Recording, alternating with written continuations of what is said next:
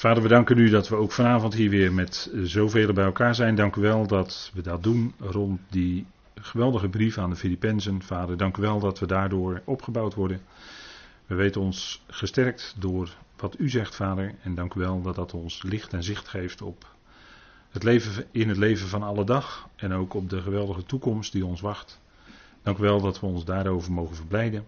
Dank u wel dat we elke keer weer nieuwe kracht en nieuwe moed putten uit dat woord van u. Dank u wel dat we gevoed worden door de woorden van het geloof en van het uitstekende onderricht van de apostel Paulus. Vader, we danken u dat u ons daardoor ook vanavond wil opbouwen. Dank u wel dat u wilt leiden door uw geest. Mag het zijn tot opbouw van ons geloof en tot lof en eer van u, Heer. Daar gaat het om.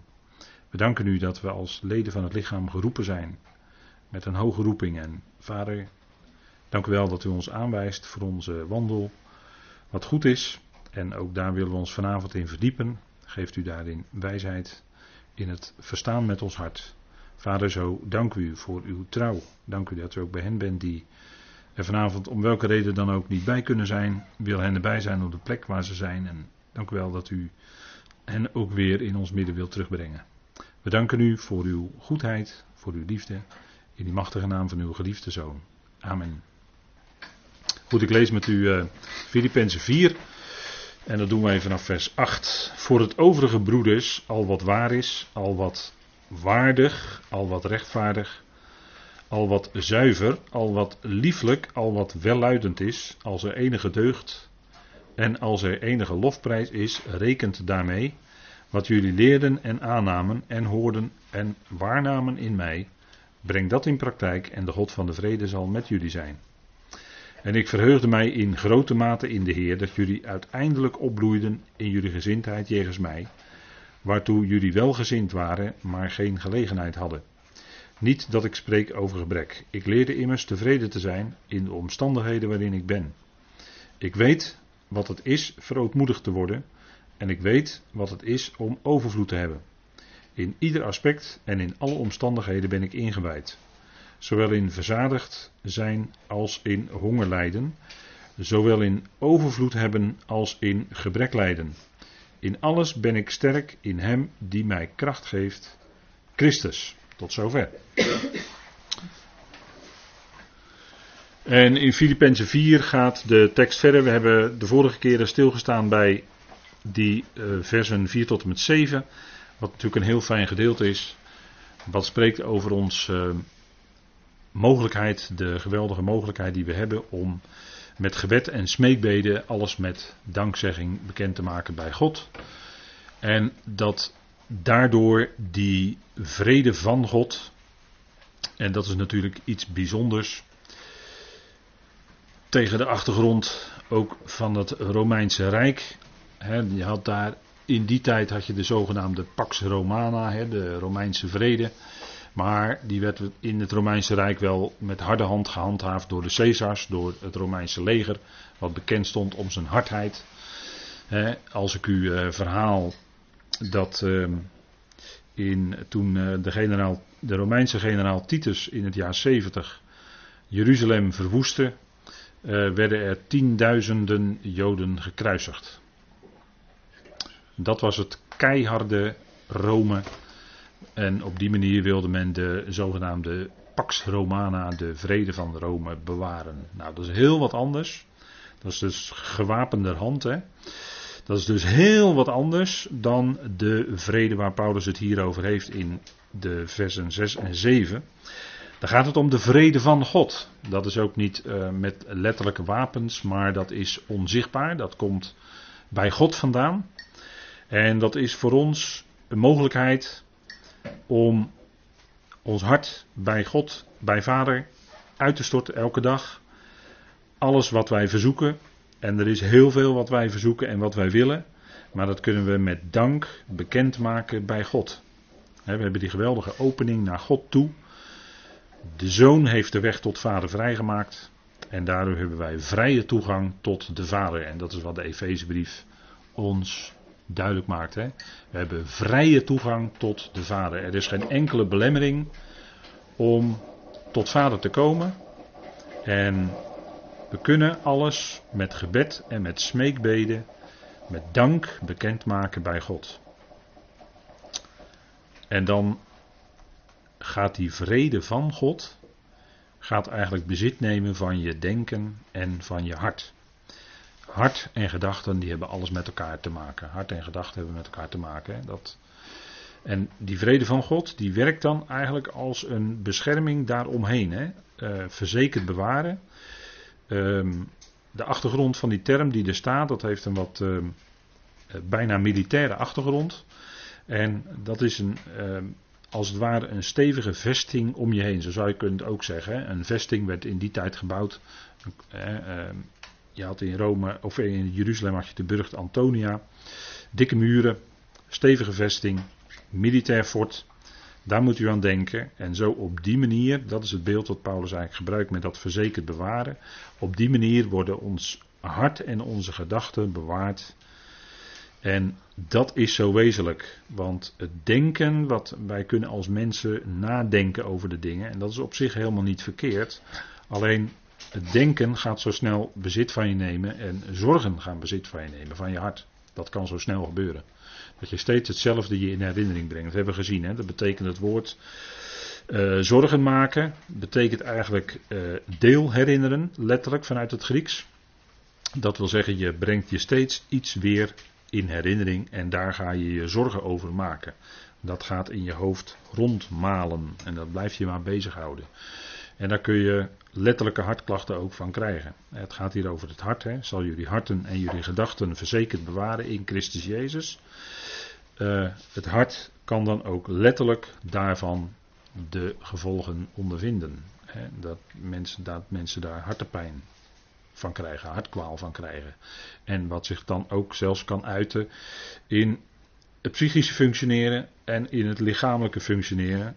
Dat is niet de bedoeling eigenlijk, maar dat gebeurt toch. En dat gebeurt ook bij gelovigen. En bij gelegenheid kun je dan best, als je in de knoop zit over dingen, kun je bij gelegenheid best met iemand die daartoe bekwaam is gesprekken voeren. Maar als gelovigen voeren wij dagelijks ons gesprek met Vader. En ik denk dat dat toch heel wezenlijk is voor ons. Um, wij voeren gesprekken met Vader over alles wat ons bezighoudt. En, en uh, dingen die je in je persoonlijk leven meemaakt, met je gezin, met je familie, in het gemeente gebeuren, noem maar op. Dat kan je allemaal enorm bezighouden. Daar kun je s'nachts van wakker liggen, kan je van oplopen, noem alles maar op. U kent dat wel waarschijnlijk. En dan is het zo wezenlijk en dan is het zo geweldig wat, wat dit, deze versen ons aanreiken, dat die vrede van God, hè, die vrede die bij God zelf is, die van God zelf uitgaat, dat die bezit van je hart en je gedachten neemt en ze daarin bewaard worden. dat hart en die gedachten, die hebben zoveel met elkaar te maken. Dat, dat grijpt in elkaar. Zo spreekt de schrift er steeds over. En dan is het nodig om elke keer weer ook dat te doen met dank. En we hebben gezien dat dat danken alles te maken heeft met het feit dat die geweldige God en Vader die wij mogen kennen, dat die alles in zijn hand heeft. Er gaat niets buiten hem om. En hij werkt dingen uit in ons leven ten goede. En soms kan dat 10, 20, 30 jaar duren voordat je iets gaat zien van waartoe iets is in je leven of waartoe iets was in je leven. Dat is niet zo dat je dat 1, 2, 3 even op een briefje uit de hemel, dat willen we wel, maar dat is niet zo. Dat, zo, zo werkt het niet.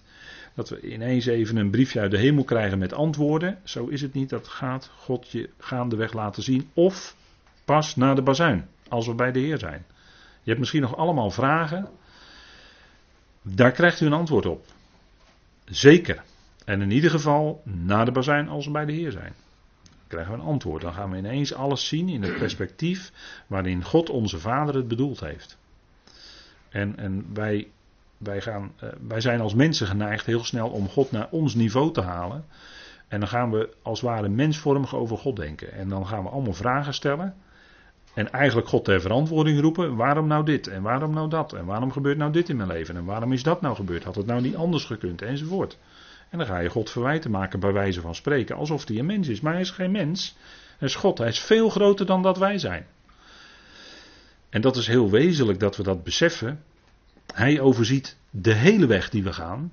En wij overzien maar een heel klein stukje.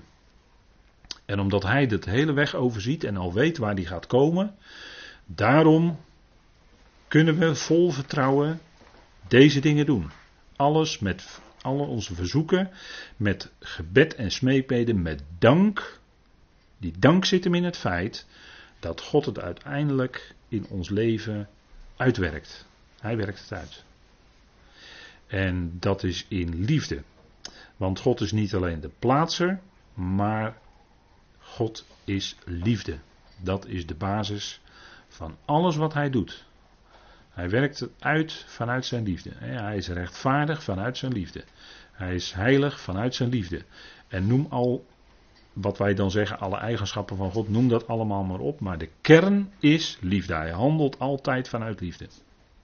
Dat staat altijd bovenaan. Wij begrijpen dat niet, vaak niet, maar toch, hij werkt het uit. En dat is die vrede die bij God zelf is, die met vaste hand zijn hele plan uitwerkt, ook in ons persoonlijk leven. En dan is hij ook de grote pottenbakker die ons kneedt naar zijn beeld, naar het beeld van de zoon. En die dank zit hem in het feit dat we God kunnen danken dat hij het uitwerkt. En Paulus die getuigt daar ook van in een stukje wat we net gelezen hebben. Hij zegt eh, bijvoorbeeld in eh, vers 12: Ik weet wat het is verootmoedigd te worden. En ik weet wat het is om overvloed te hebben. Dus hij kende situaties waarin hij misschien materieel niet zoveel had. En misschien waarin hij materieel ietsje meer had. Maar hij zegt in ieder aspect en in alle omstandigheden ben ik ingewijd. Zowel in verzadigd zijn als in honger lijden. Dus dat heeft hij ook meegemaakt. Zowel in overvloed hebben als in gebrek lijden. In alles ben ik sterk in hem die mij kracht geeft, Christus. Dat was de geweldige lijn in zijn leven. In alles ben ik sterk in hem die mij kracht geeft, Christus. En dat is het geweldige principe. En dat geldt ook voor ons. Hè? En dat is niet alleen een mooi vers om te zingen, maar je moet het ook niet uit zijn context halen. dit vers staat natuurlijk in een context. En Paulus heeft het dan over hongerlijden, gebreklijden. En dan zegt hij: In alles ben ik ingewijd. Maar hij had in vers 11 ook nog iets gezegd. Want hij zegt: Ik leerde immers tevreden te zijn in de omstandigheden waarin ik ben. En waarom was hij daarin tevreden? Hoe kan dat nou? Hij leed honger, zegt hij, gebrek. En toch was hij tevreden. Hoe kan dat nou? Nou, dat kan omdat hij wist dat het in handen was van zijn God en Vader. En dat God zijn plan uitwerkte en het niet, niet boven zijn lippen zou laten komen. Ook al had hij bij gelegenheid honger, inderdaad. Dat maakte de Heer zelf ook mee. toen hij beproefd werd in de wildernis. Na veertig dagen had hij honger en toen werd hij beproefd. Indien je Gods zoon bent. En toen antwoordde hij met er staat geschreven. En dat was voor Paulus ook de leidraad. Hij wist wie God is en hij vertrouwde in die omstandigheden waarin hij was. En die waren vaak heel moeilijk, die omstandigheden. Schipbreuk lijden, gegeesteld worden, in een gevangenis, noem maar op. In al die omstandigheden en hij zegt ook, ik leerde. Het was voor hem ook een leerproces. Ik leerde immers tevreden te zijn in de omstandigheden waarin ik ben. Dat kun je als gelovige ook niet 1, 2, 3. Dat is een heel leerproces. Dat duurt een geloofsleven lang, dat leerproces. En aan het begin kun je dat niet, maar gaandeweg ga je ontdekken de waarheid van die woorden van Paulus en het voorbeeld van Paulus om dat na te volgen. Als het in je leven nou heel minnetjes is. En dan bedoel ik niet alleen materieel. Maar ook misschien in andere dingen. Dan toch te beseffen. Vader, u doet het niet verkeerd in mijn leven. U werkt het uit. Ook al kost me dat moeite. Ook al zijn er tranen. Ook al is er verdriet. Ook al heb ik er eh, bij gelegenheid heel erg moeilijk mee. Nochtans. En dat is helemaal niet raar. Want wat staat nou van onze Heer Jezus Christus geschreven, die heeft gehoorzaamheid geleerd, staat er. Die heeft gehoorzaamheid geleerd uit hetgeen die heeft geleden. Dus dat was ook voor de zoon hier op aarde helemaal geen makkelijke weg. Maar hij hield het bij datgene wat hij steeds hoorde. Want gehoorzaamheid, daar zit het woord horen in, vanuit het Grieks. Dat wat hij hoorde van de Vader, dat woord, wat hij gaandeweg steeds dieper en beter leerde kennen. Dat was de leidraad in zijn leven, daar hield hij het bij. En hij ging die weg van die vader met hem ging in gehoorzaamheid. Ook al was het soms heel moeilijk in Gethsemane. Niet mijn wil. Niet mijn wil. Bekende woorden, hè? niet mijn wil, maar de uwe. En dat was helemaal niet makkelijk. En zo is het voor ons vaak ook helemaal niet gemakkelijk. Maar het is wel een weg die vrede brengt. En als die vrede van God in je hart en denken, als dat overheerst, dan is dat heel fijn. Want dat bewaart je voor allerlei onrust en, en moeite en, en ten diepste niet, geen zorgen maken. je zorgt wel voor de jouwen, voor de zijnen, voor de gemeenteleden. Je zorgt daarvoor, zeker. Maar het zorgen maken in de zin van, nou weet ik niet meer hoe het verder moet en ik wil het oplossen en ik weet toch niet hoe het verder moet en hoe moet dat nou allemaal. En je, je blijft daarin, dat is niet de weg. Hè. De weg is, die Paulus wijst hier, door gebed en smeekbeden met dank. En met dat dank, daar zit die genade ook in. Is Theo, of, hè, daar, zit dat, dat danken, vreugde, genade, dat zijn allemaal van die begrippen die liggen zo dicht bij elkaar. En dat danken is ook dat we Hem danken voor de genade die Hij geeft in de omstandigheden waarin we zijn. Vader, u geeft voor elke dag voldoende en dan is het ook genoeg. Het hoeft niet, eh, je hoeft niet vandaag kracht te krijgen voor morgen, want morgen is weer een nieuwe dag. En elke dag heeft genoeg aan de eigen dingen. Maar morgen mag je daar uitstrekken dat Vader ook voor de dag van morgen weer voldoende kracht geeft om door te kunnen. Mijn genade is je genoeg. Vorige keer hebben we ook gelezen, daarom zijn wij niet ontmoedigd. Maar wij worden bemoedigd ook, ook, al zien wij dat ons lichaam wat steeds ouder wordt en wat met steeds meer gebreken gepaard gaat en wat zwak is, aardenvat, wat zwak is, wat broos is. Nochtans weten we dat die kracht, die geweldige kracht van God in dat aardenvat werkt.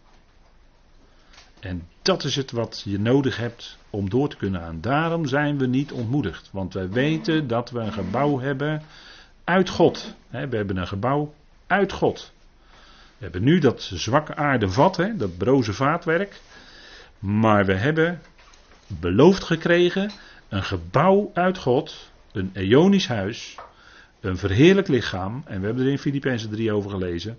Een lichaam dat gelijkvormig zal zijn aan zijn heerlijkheidslichaam. Dat is de heerlijkheid die gaat komen. En het lijden en de moeite en de verdrukkingen die wij nu meemaken, die bereiden ons voor op die heerlijkheid. En die heerlijkheid is onvoorstelbaar veel groter dan de verdrukkingen die wij nu meemaken. Dat hebben we vorige keer ook gelezen. Hè? 2 Korinthe 4, de laatste verse. Maar in dat perspectief zouden we leren zien. Hè? Leren zien zoals de apostel dat doet. Hè? Leren kijken met de ogen waarmee Paulus ons leert kijken. En dan kijk je anders. Je kijkt dan anders tegen andere, dan andere mensen. Je kijkt anders tegen de dingen aan. Je kijkt er als het ware doorheen, als u begrijpt wat ik bedoel. En je ziet, zoals de Heer dat ook zag, je ziet door dat lijden en de verdriet heen de vreugde die Vader ook ons heeft voorgesteld. Niet alleen de Zoon, maar ook wij gaan die vreugde straks in. Als de bazuin geklonken heeft, dan gaan we die geweldige vreugde meemaken, die heerlijkheid, en die gaat komen. En daarom, zegt Paulus, verliezen wij de moed niet. Ook al worden we dagelijks misschien ontmoedigd, of al zijn er heel veel dingen in ons leven aanwezig die ons kunnen ontmoedigen. Maar als we ons hart laten versterken door die troostvolle woorden van de apostel, laat je daardoor bemoedigen, met die woorden, dan ben je weer bemoedigd. En daarom kun je dan ook met Paulus zeggen, daarom verliezen wij de moed niet. Maar die heerlijkheid die gaat komen. En daarom kun je alles met gebed en smeekbeden, met dankzegging bekendmaken bij God. Maar ook dan bekendmaken bij God. Hè? Je hart als het ware luchten. En dat is heel goed, dat bij vader te doen. Ik denk dat het, eh, of bij de Heer, net zoals u het zeggen wil, stort je hart uit bij Hem. Kijk, vader die gaat het niet doorvertellen aan anderen. Je kunt het bij vader gewoon laten, daar is het veilig. En als je bij mensen, dan word je daar nog wel eens in teleurgesteld. Je neemt mensen in vertrouwen en dan kun je teleurgesteld worden als je later is het toch doorgebriefd ondanks het vertrouwen wat je had gevraagd. Ja, dat is bij mensen zo. Dat is heel verdrietig, maar zo gaat het bij mensen. Maar bij vader is dat anders. Hè? Bij vader laat je de dingen en daar is het ook veilig en vertrouwd. Vader gaat het niet doorvertellen. En daar kun je het gewoon laten. En ik denk dat dat heel goed is. En dat is de weg die Paulus wijst. Bekend gemaakt worden bij God. Bij God. En het is zo, ja, zo menselijk om je noden bij allemaal andere mensen te deponeren. En ik zeg niet dat het verkeerd is, maar misschien maak je dan onbedoeld toch groter dan dat het eigenlijk zou kunnen zijn. Want de weg die Paulus wijst is, laat je dingen bekend worden bij God. En de vrede van God, dat is de belofte. Hè? En die belofte maakt God waar hoor. Die geeft hij. Die vrede van God, die gaat ons denken te boven. En, en daar, ja, dat, dat hè, denken, gedachten, hè, denken. Denken is ons denkzintuig, hè, het vermogen om te kunnen denken. Dat hebben wij wel, hebben dieren niet. En gedachten, dat is dan het resultaat van ons denken. Hè? Dat is het denken-effect, zeg maar. Hè? Dus wat, wat uit je denken, je denkt en dan ga je ehm, bepaalde gedachten vormen. En daar kun je dan heel veel zorgen over maken. Als je bepaalde dingen analyseert en bij elkaar optelt, dan kun je daar zorgen over maken. Maar Paulus zegt, laat die dingen dan bekend worden bij God. En die gedachte en dat hart gaat dan in die vrede van God. Dat is onbetaalbaar. Dat kan niemand van de wereld ons ooit bieden, aanbieden of geven. Dat kan God alleen maar geven. Die vrede van God, die gaat dan dat, dat, dat als het beschermen. Dat is, dat is heel fijn. Dat is heel fijn. En, en daarom is het zo wezenlijk om dit te doen. Hè. De psalmisten die getuigen er ook van, stort je hart uit voor zijn aangezicht. Dat is heel goed om te doen. dat is, eh, die, die tijd is altijd goed besteden tijd. en we laten ons nog wel eens eh, heel erg vaak afleiden door onze smartphone. Voor het weet zit je een uur op je smartphone te, allerlei berichtjes te lezen en weet ik wat. Maar misschien even je smartphone weg. Met vader erover praten.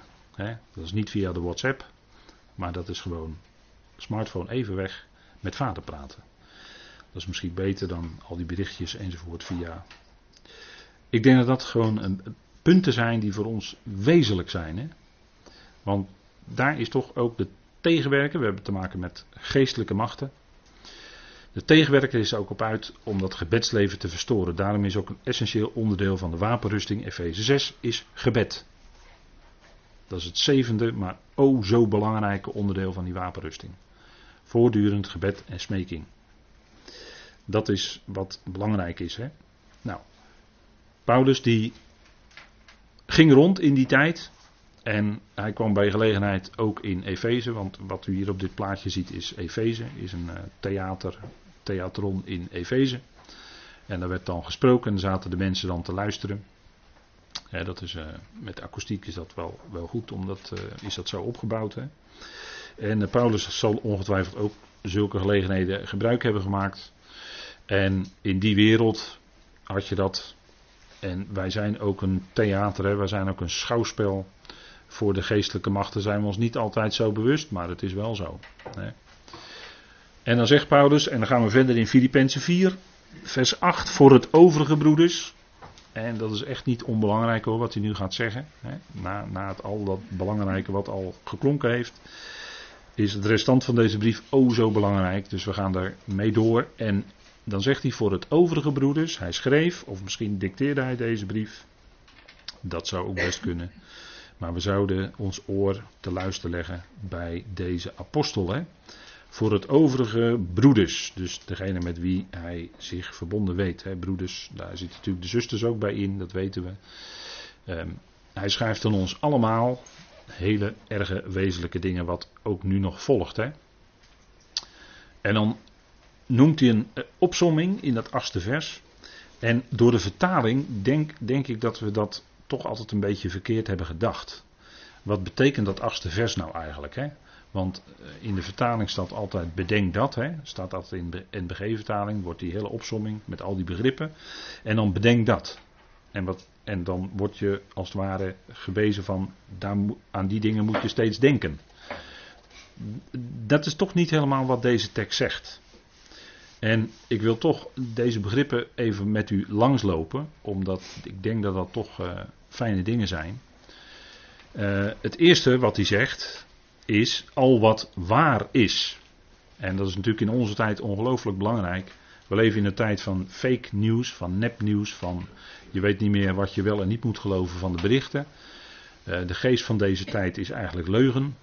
Dat is wat overheerst. Er was ooit ook een programma van, De Leugen regeert. Nou, dat is, vond ik wel raak gezegd eigenlijk.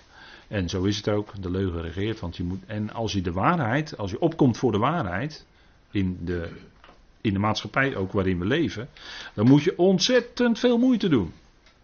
Als je echt op wil komen voor de waarheid, nou, dan, uh, dan word je verguisd. Dan word je in de hoek gezet. Dan word je weggedrongen.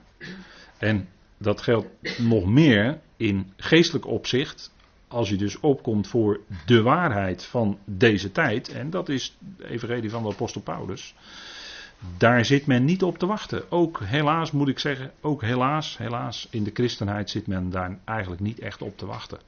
Want als je daarmee komt met die boodschap, ja nee, dat, dat, kan niet, dat kan niet. Nee, dat kan niet waar zijn. Nee, nee. Ja, maar Paulus zegt het. Nee, nee, dat kan niet waar zijn. Nee.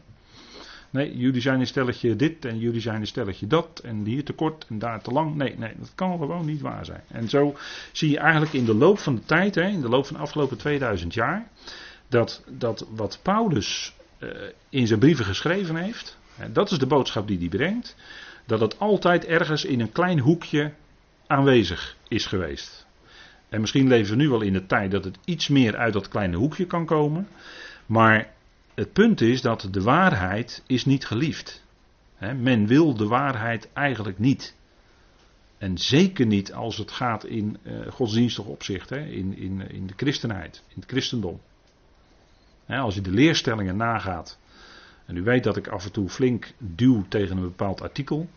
maar dat is dan één van de artikelen.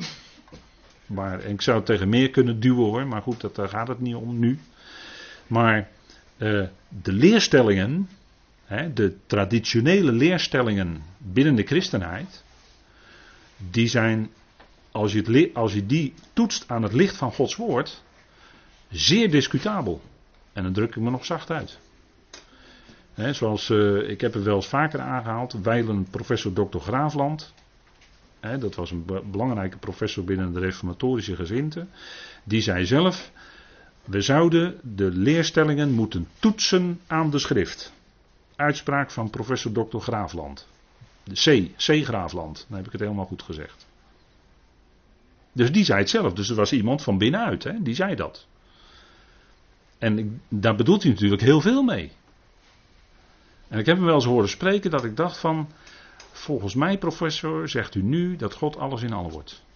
En dan echt alles in allen, echt allen. Maar dat zei hij dan op zo'n professorale manier. Dat het ook nog voor tweeërlei uitleg vatbaar zou kunnen zijn. Maar het is maar net wie er naar luistert. Maar ik meende dat hij. En zo zijn natuurlijk wel meer professoren geweest in de tijd. En ook die nog wel leven hoor, dogmatici. Die heel goed weten wat de werkelijke boodschap is van de apostel Paulus. Dat weet men heel goed hoor. Echt.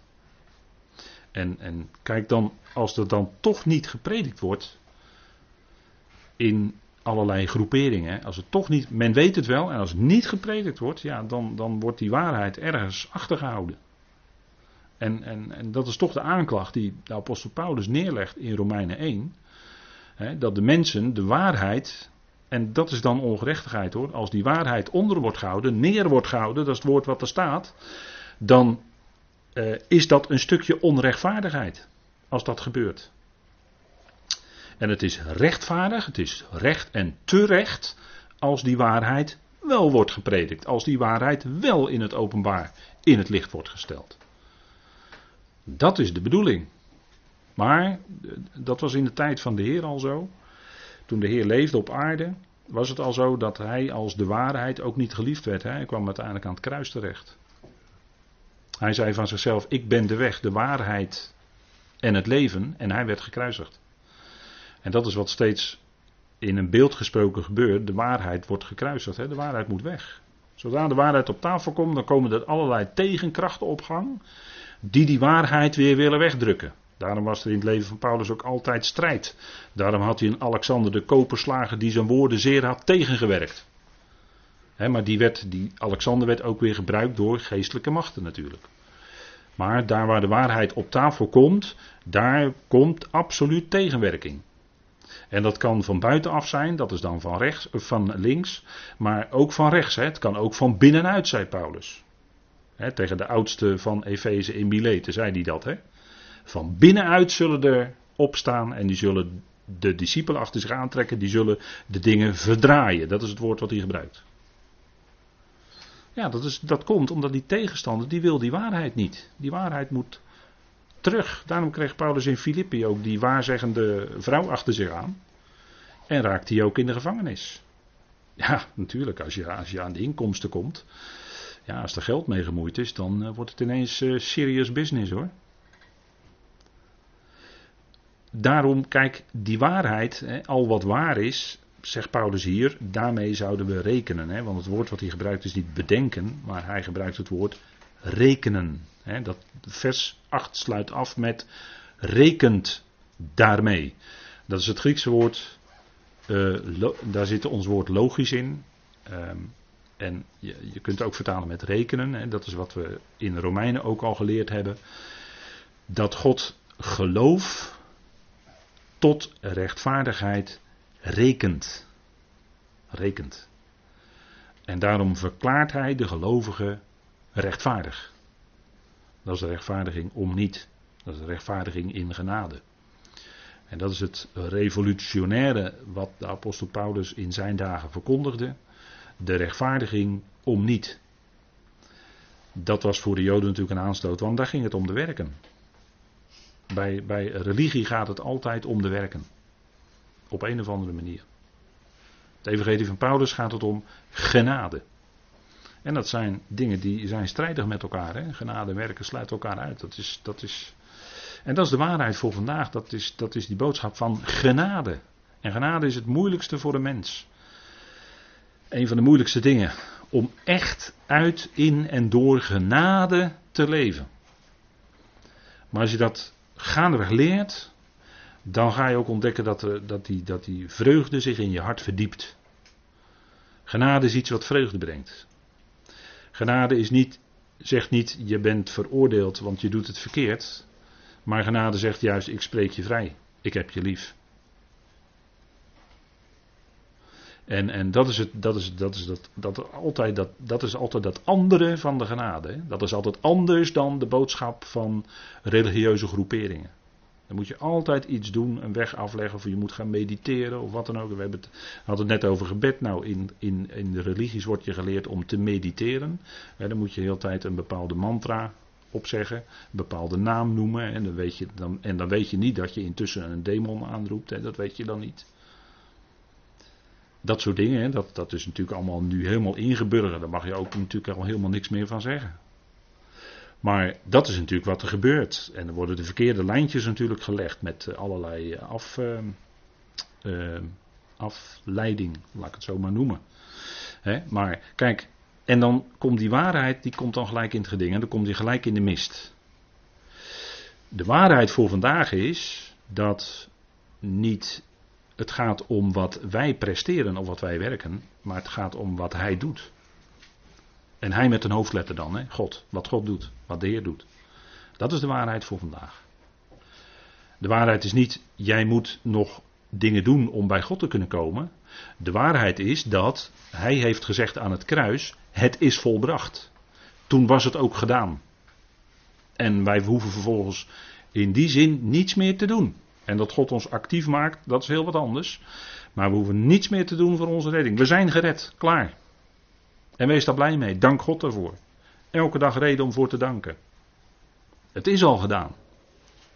En dat is, uh, ja, dat is het geweldige. Hè? En dat, dat, dat, dat haalt een mens, dat haalt een mens, genade haalt een mens uit de krampen. Want heel veel mensen lopen in vrome religieuze krampen. En wat je, wat je daarvan verlost, het verlossende is genade van God. Dat haalt je uit de kramp. Dat brengt je in de werkelijke ontspanning. En daarom is het als gelovigen dat we elkaar tegenkomen in samenkomsten bij gelegenheid, is het ook een ontmoeten. Ontspanning. Je kunt gewoon in ontspanning, in genade met elkaar omgaan. En dan is het ook vreugde om elkaar te ontmoeten. Dat is fijn. De waarheid maakt je vrij. Dat is een punt, hè? De waarheid maakt je vrij. Daar, hebben, daar heb ik nu met u net over gehad. Hè? Die waarheid van de genade, die bevrijdt je van de krampen. En het is zo dat we zouden komen tot erkenning van de waarheid. En natuurlijk is dat geweldig als je die waarheid leert kennen. Het punt is echter, als je bij die waarheid blijft, als je bij die waarheid blijft, dan kom je op den duur kom je alleen te staan. Of nog met heel weinigen bedoel ik eigenlijk. Kijk je in het leven van de apostel Paulus, dan zie je dus dat Paulus aan het einde, 2 Timotheus 4, dan, dan spreekt hij over dat Lucas bij hem is. Timotheus, Marcus en Tychicus noemt hij. En misschien zou je er ook nog een, uh, als je 2 Timotheus 4 leest, een uh, Titus en een, uh, hij noemt nog iemand anders. Maar aan de andere kant was er ook een Demas, Demas, die had Paulus verlaten uit liefde voor de tegenwoordige Aion. Staat er dan, hè? Demas heeft mij verlaten, die is naar Thessalonica vertrokken. Uit liefde voor de tegenwoordige Aion. En dat heeft hoogstwaarschijnlijk te maken dat hij toch weer teruggevallen is in, laat ik maar zeggen, religieuze bezigheden. Religieus bezig zijn. En misschien oppervlakkig gezien niet eens zo verkeerd. Met allemaal goede dingen bezig. Heel druk bezig misschien wel voor de Heer. Maar toch. Dat kan. Dat kan gebeuren. dat, want Paulus heeft in die tweede Timotheusbrief heeft hij het regelmatig over de waarheid en ook over het afwijken van die waarheid. Hè? En, en eh, mensen die, ehm, als ze de waarheid leren kennen, dan zie je ook wel eens bij mensen gebeuren dat ze eigenlijk binnen de kortste keren er ook weer van afraken. En dan worden ze weer door iets anders worden ze ervan afgeleid. Je hebt ook mensen die gaan liever naar mensen luisteren die hun gehoor kietelen. Hè, die graag dat zeggen wat ze willen horen. Die heb je ook, dat gebeurt ook. maar eh, kijk, bij die waarheid blijven, dat maakte Paulus niet populair. naar, naar, naar menselijke maatstaven gesproken, was de hele gang van de apostel Paulus was geen succesverhaal. Aan het eind was hij met nog weinigen. En toen hij zich moest verdedigen, toen moest hij dat alleen doen. Was er zelfs niemand bij hem gebeurde, dat overkwam hem ook. Dus als je bij die waarheid blijft, ja, dat kan best zijn dat je dan alleen komt te staan. Alleen, tenminste, misschien in je familie, alleen komt te staan. En, en ook ten opzichte van andere gelovigen, die op een gegeven moment dan toch afhaken. Of ander inzicht krijgen. Of, eh, dat, dat gebeurde allemaal ook in de gemeenten in Galatië. Die kwamen weer met met, eh, werd weer genade met de wet vermengd en moesten toch weer de dingen van Mozes en noem, noem alles maar op. Hè. Dat speelde allemaal bij die Galatische gemeentes. En dan was Paulus ook niet meer welkom. Dus ook kwam steeds meer alleen te staan. Dat is, dat is wat er gebeurt als je bij de waarheid blijft. Hè. Omdat de waarheid in deze tijd niet populair is. En daarom zouden we ook als gelovigen onze lenden om God hebben met de waarheid. Laten we even opzoeken in Efeze 6 in Efeze 6. En dat is, uh, dat is heel erg wezenlijk, want uh, we hebben te maken met de lucht om ons heen. Hè? En dan zeggen we wel eens tegen elkaar, wat hangt er toch in de lucht? Nou, daar hangt van alles in. Niet alleen vliegtuigen. Maar u begrijpt wat ik bedoel, denk ik. Hè? Er zit van alles in de lucht wat ons dus uit die waarheid wil dringen, om het zo maar te zeggen, uit die waarheid wil wegdrukken. Efeze 6, daar staat. Doe de hele wapenrusting van God aan, vers, vers 11. Vers 11. Doe de hele wapenrusting van God aan, opdat jullie stand kunnen houden tegen de strategieën van de tegenwerker. En die heeft, die heeft bekende strategieën. En als je wat ervaren erin bent, dan herken je dat ook. En dan zie je het al op een afstandje. En dan, ben je er al, dan kun je er al stand tegen houden. Want het is voor ons geen worsteling met bloed en vlees. Maar stand houden tegen de soevereiniteiten, tegen de gevolmachtigden, tegen de wereldmachten van deze duisternis, tegen de geestelijke machten van de boosheid te midden van de hemelingen. Dus het gaat om een geestelijke strijd, om het zo maar te zeggen. Geestelijke worsteling. Paulus zegt het is voor ons geen worsteling met bloed en vlees, dus niet met mensen. Hoewel die machten wel gebruik maken van mensen, van bloed en vlees. Maar daar, dat is onze worsteling niet, hè? dat is onze strijd niet, die is geestelijk. En daarom neem derhalve de hele wapenrusting van God op, dat jullie in staat gesteld worden te weerstaan in de boze dag. En dit alles verricht hebbend te staan. Dus het gaat om stand houden, staan, staan blijven. Vers 14 staat dan. Jullie lenden omhort met waarheid. En in lenden zit je kracht als mens. In je lenden zit je kracht. Zoek beeldspraak dit. Maar in je lenden zit je kracht. En die kracht voor ons is dan omgord zijn met waarheid. In de praktijk. Omgord zijn met waarheid.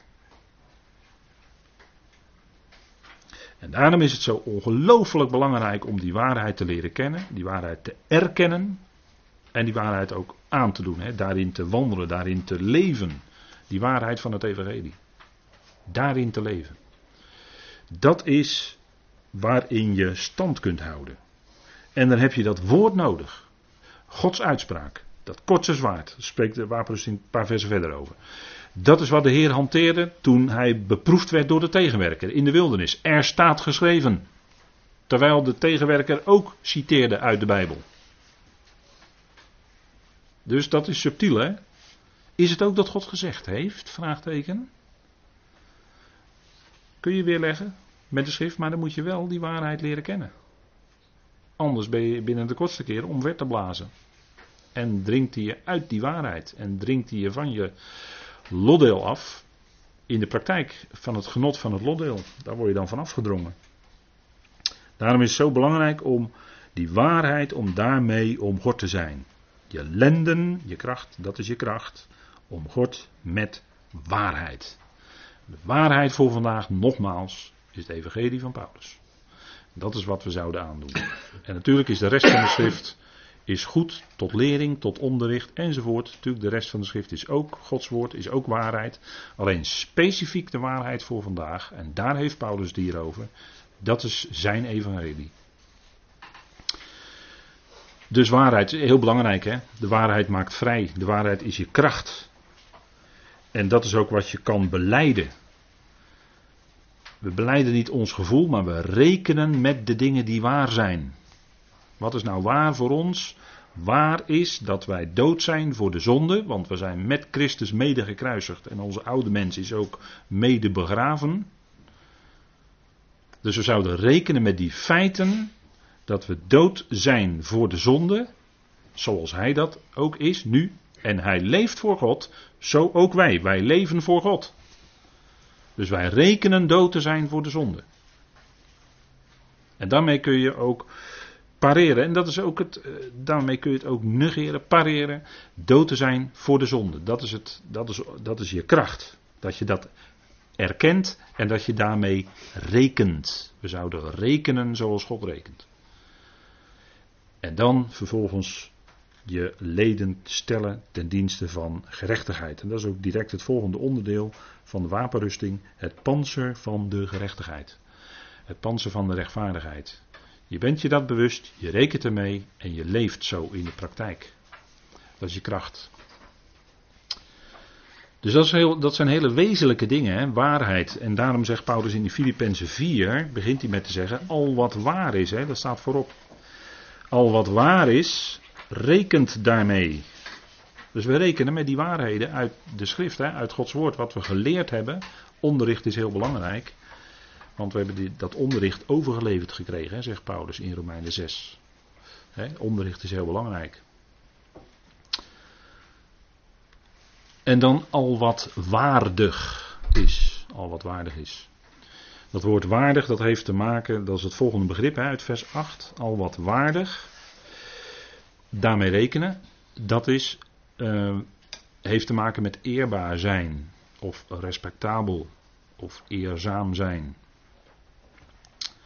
En dat waardig, daar, daar zit nog wel wat aan vast natuurlijk.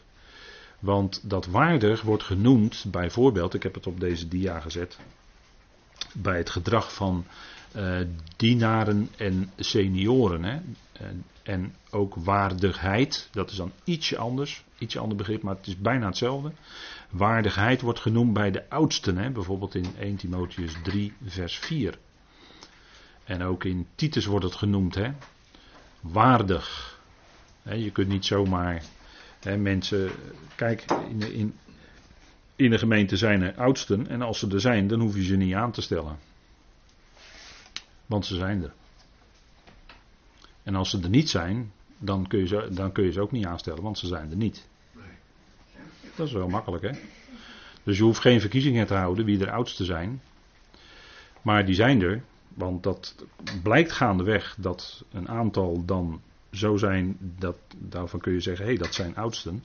Oké, prima zo. Ja, dat is, die komen dan als het ware bovendrijven, om het zo maar te zeggen. Misschien een beetje vreemd woord ervoor, maar dat is even om het duidelijk te maken hè, voor u. Die komen bovendrijven, dat zijn dan de oudsten. En daar is aan de gemeenteleden om dat te erkennen. Om dat gewoon te erkennen, dat het de oudsten zijn. He, dat is helemaal geen zaak die. Dat, kun je ook, dat kan ook niet afgedwongen worden of wat dan ook. Dat moeten gemeenteleden geestelijk gaan inzien, dat erkennen. En eh, dan, als, als ze erkend worden, is dat heel fijn. Maar uh, ja, bij gelegenheid loopt het uh, anders. Maar goed, ja.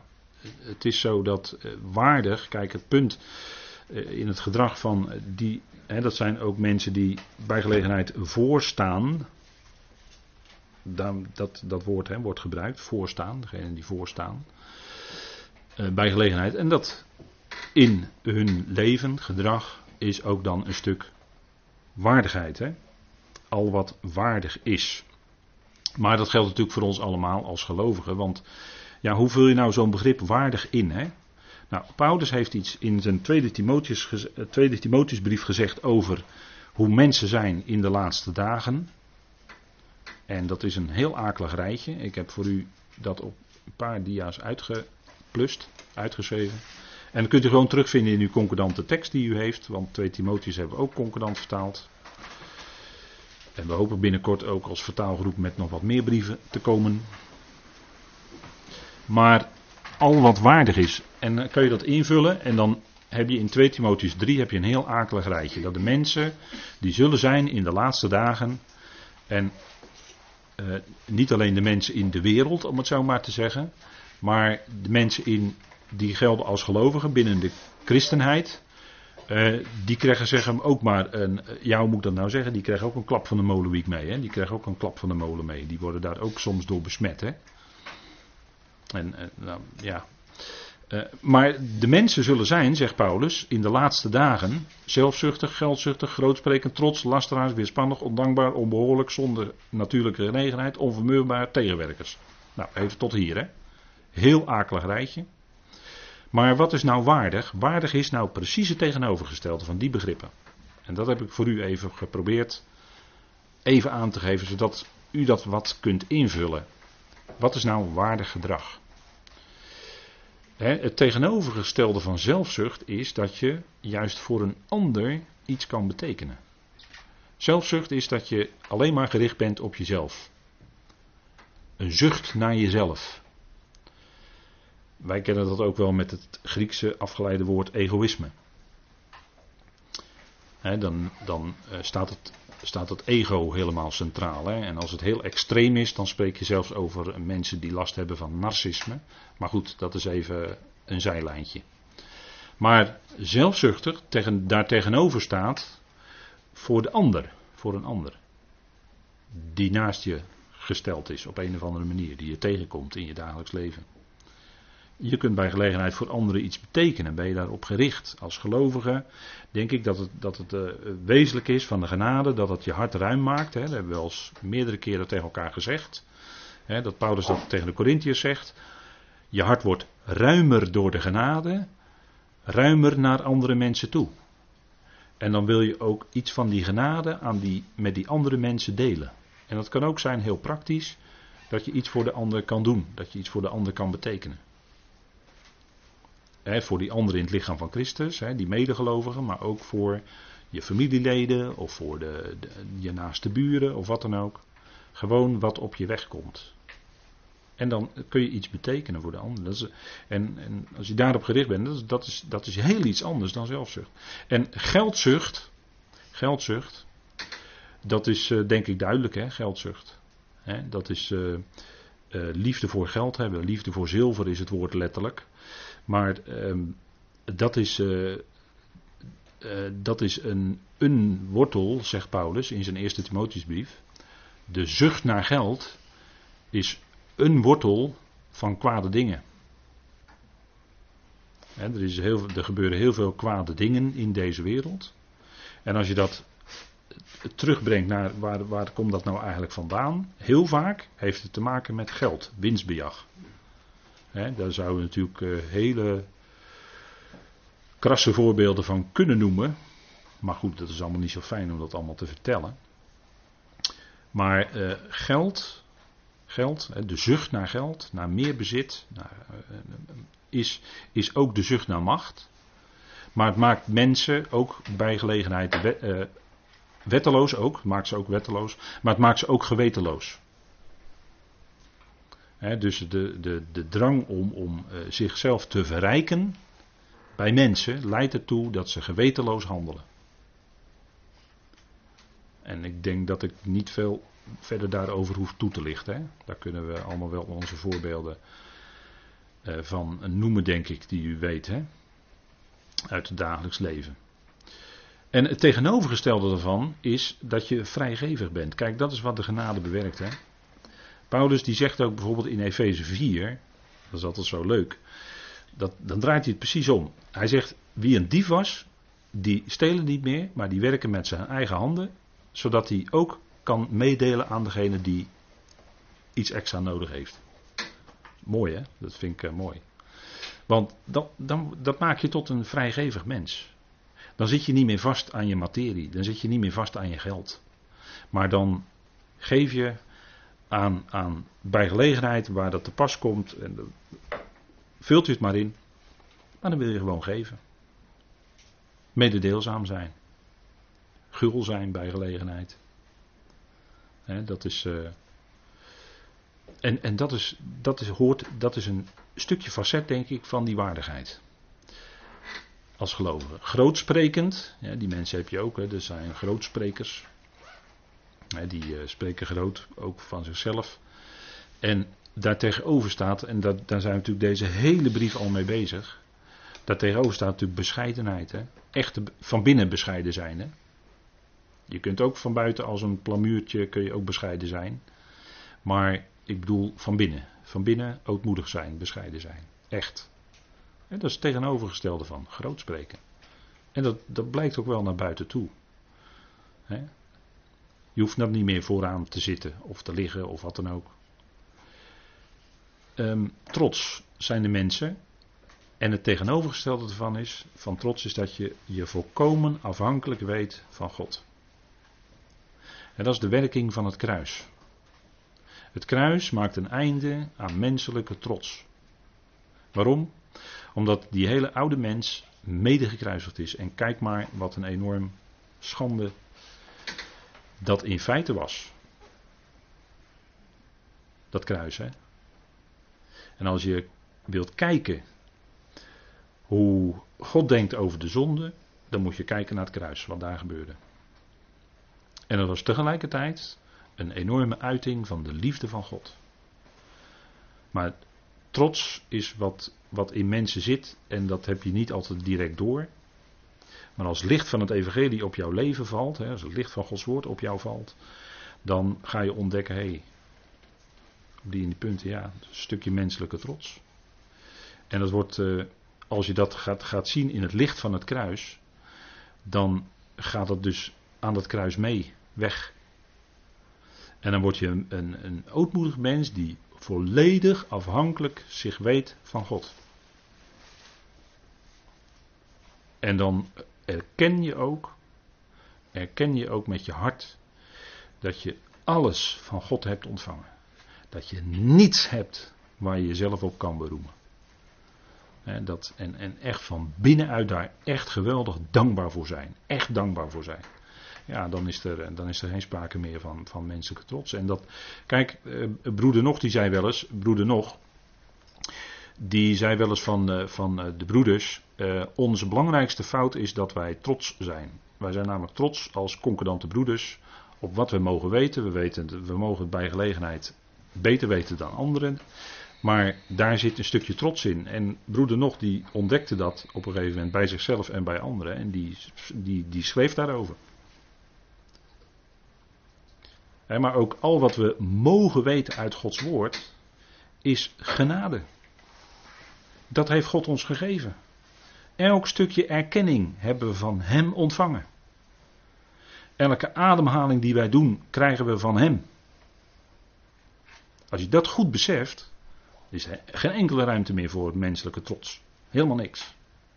En je kan ook niet zeggen van, ja, maar ik loop al 20, 30, 40 jaar mee. Oh ja, wie heeft dat jou gegeven dan? Dat je al zo lang mee kan lopen? Dat heeft God je gegeven. Dat heb je ook niet van jezelf. Dus dat, kijk, dat is, dat, is, dat is waardig. Want dan geef je de eer en de roem aan degene bij wie dat thuis hoort. Lasteraars heb je. Dat zijn mensen die met eh, allerlei praatjes andere mensen beschadigen. En dat gebeurt ondergelovig ook. Nou, dat gebeurt gewoon hoor, ondergelovigen. Zeker. En Paulus zegt, kijk, als je nou een goed woord hebt, zit ik weer in Efeze 4, hè? Als je nou een goed woord hebt tot opbouw, spreek het. Opdat het genade geeft aan hen die het horen. En genade is dan tegelijkertijd een stukje vreugde. Is nou dat wat jij vertelt, bij gelegenheid over iemand anders, brengt dat nou vreugde bij de luisteraar? Of niet? Zou een toetsteentje kunnen zijn. Hè? Is dat nou opbouwend wat jij zegt? He, gelovig onderling bij de koffie zo, en na de zondagdienst. Is het nou opbouwend wat je, waar je over praat? Bij de koffie? Of heb je net de zondagdienst gehad met een fijne preek en ga je bij de koffie over alles en iedereen zitten roddelen? Dat kan ook gebeuren. dat, dat, is, dat is heel wat anders. Maar ik denk niet dat dat is tot opbouw. Lijkt mij niet. Weerspannig, hè? Mensen zijn bij weerspannig. Dat is precies het tegenovergestelde van onderschikkend. Hè? Door die, ik denk door die het zien. Hè? Weerspannig is dat je een harde nek hebt, je wil niet buigen, je wilt toch je eigen mening handhaven, je wilt toch je eigen zin blijven doen, ook onder gelovigen, je wilt toch je eigen toko runnen en noem alles maar op. Weerspannig. Kan allemaal gebeuren. Hè? Tegenovergesteld is onderschikkend. Wil je het doen op de wijze zoals God dat bedoelt? Onderschik je je aan wat God aangeeft. En onderschikken is een van de moeilijkste dingen voor ons. We willen ons niet onderschikken. Dat is nou juist de weg die God wijst. Dat is nou juist heel Gods plan op, op werk daar naartoe. Als je onderschikkend bent, dat is eigenlijk voor een gelovige passend, is waardig. Nou, ondankbaar zijn mensen dankbaar. Nou, daartoe roept Paulus ons regelmatig op. Hè. Word dankbaar. Dankt God in alles. Doet alles God de Vader dankende door Hem, door de Heer Jezus Christus. Hè? Dankbaar. Want we hebben alle reden om dankbaar te zijn voor die eh, enorme rijkdom aan genade en alles wat we van Hem mogen ontvangen. Mensen zijn onbehoorlijk, gedragen zich bij gelegenheid onbehoorlijk. Gepast gedrag, hè? gepast aan de situatie. Besef je waar, eh, waar je bent, waarin je bent. Als gelovige dan ook gepast, op een gepaste manier opstellen. Zonder natuurlijke genegenheid. men, dat is, kijk, andere mensen zijn schepselen van God. En het is eigenlijk heel natuurlijk als je die andere mensen, als je daar genegenheid voor hebt. Want het zijn ook schepselen, het zijn ook mensen. God heeft mensen lief. God uh, is niet uh, een, een, een, God die de hele dag zit te kijken wat, wat iemand nou uh, die seconde fout doet en de volgende seconde fout of goed doet. Nee, God heeft mensen lief. En zo kunnen we die liefde van God doorgeven aan die anderen, die ander genegen zijn. Onvermurfbaar. Onvermurfbaar. Dat, dat kom je ook wel eens tegen. Hè? Dat mensen, ze zijn niet te vermurven. Ook gelovigen. Blijven stijl staan. Niet te vermurven. Ook niet eh, als er inkeer is. En is er dan bereidheid, want dat zit eigenlijk in het Griekse woord. Hè? Dat is heel wonderlijk. Maar is er dan bereidheid om eventueel ook een vriendschap te vernieuwen? Is die bereidheid daar? Dat, dat, daar zit toch die ondertoon van verzoening in. En, en we zouden toch verzoend zijn. dat is toch wat de boodschap die we mogen kennen, is die van genade en verzoening. En dan, dan kun je als gelovige toch niet onverzoenlijk zijn. En dan zou je toch uh, in, in, in al die dingen rekening houden met de verzoening. En dat je, vaak ben je dan terughoudend in wat je aangeeft of wat je zegt. Waarom? Omdat je verzoenend wil zijn. het is zo makkelijk om om elkaar met bijbelteksten om de oren te slaan. En dat, daar gaat het natuurlijk helemaal niet om. Daar gaat het helemaal niet om. Maar wil je nou verzoenend zijn naar die ander toe? Kan er dan altijd toch die weg weer zijn terug? Ja, natuurlijk ja. Bij verzoening is, is die weg mogelijk terug. Ja, die weg is, is terug is mogelijk. Jazeker. Dat is verzoening. dan heb je tegenwerkers. Tegenwerkers. Nou, die waren er in Paulus dagen ook hoor. Ik noemde u er net al even Alexander de Koperslager. Nou, nou, nou, nou. Dat was er eentje hoor. En die heb je vandaag de dag ook. Tegenwerkers. Dat kom je dan elke keer tegen. Dat gevroet en dat gedoe, dat is tegenwerken. Je komt het gewoon tegen. En het tegenovergestelde ervan, en dat hoort bij waardig, is meewerken. Ben je nou bereid om mee te werken? Om uiteindelijk dat, dat evangelie, die, die boodschap van verzoening en genade, om die verder uit te dragen. In Thessalonica waren ze zo. En ze bereikten binnen de kortste keer een heel groot gebied. Vanuit jullie heeft het woord van de Heer geklonken. In heel Macedonië en Achaïe, zegt Paulus. Die waren bereid mee te werken. Moet je kijken wat er, dan vanuit gaat. Wat een kracht. Meewerken. Nou, dat, dat hoort ook bij al wat waardig. Kijk, nou krijgt het wat handen en voeten, zo'n begrip. Wat Paulus dan bedoelt. Nou, gaan we even op herkouwen in de pauze. We gaan even pauzeren.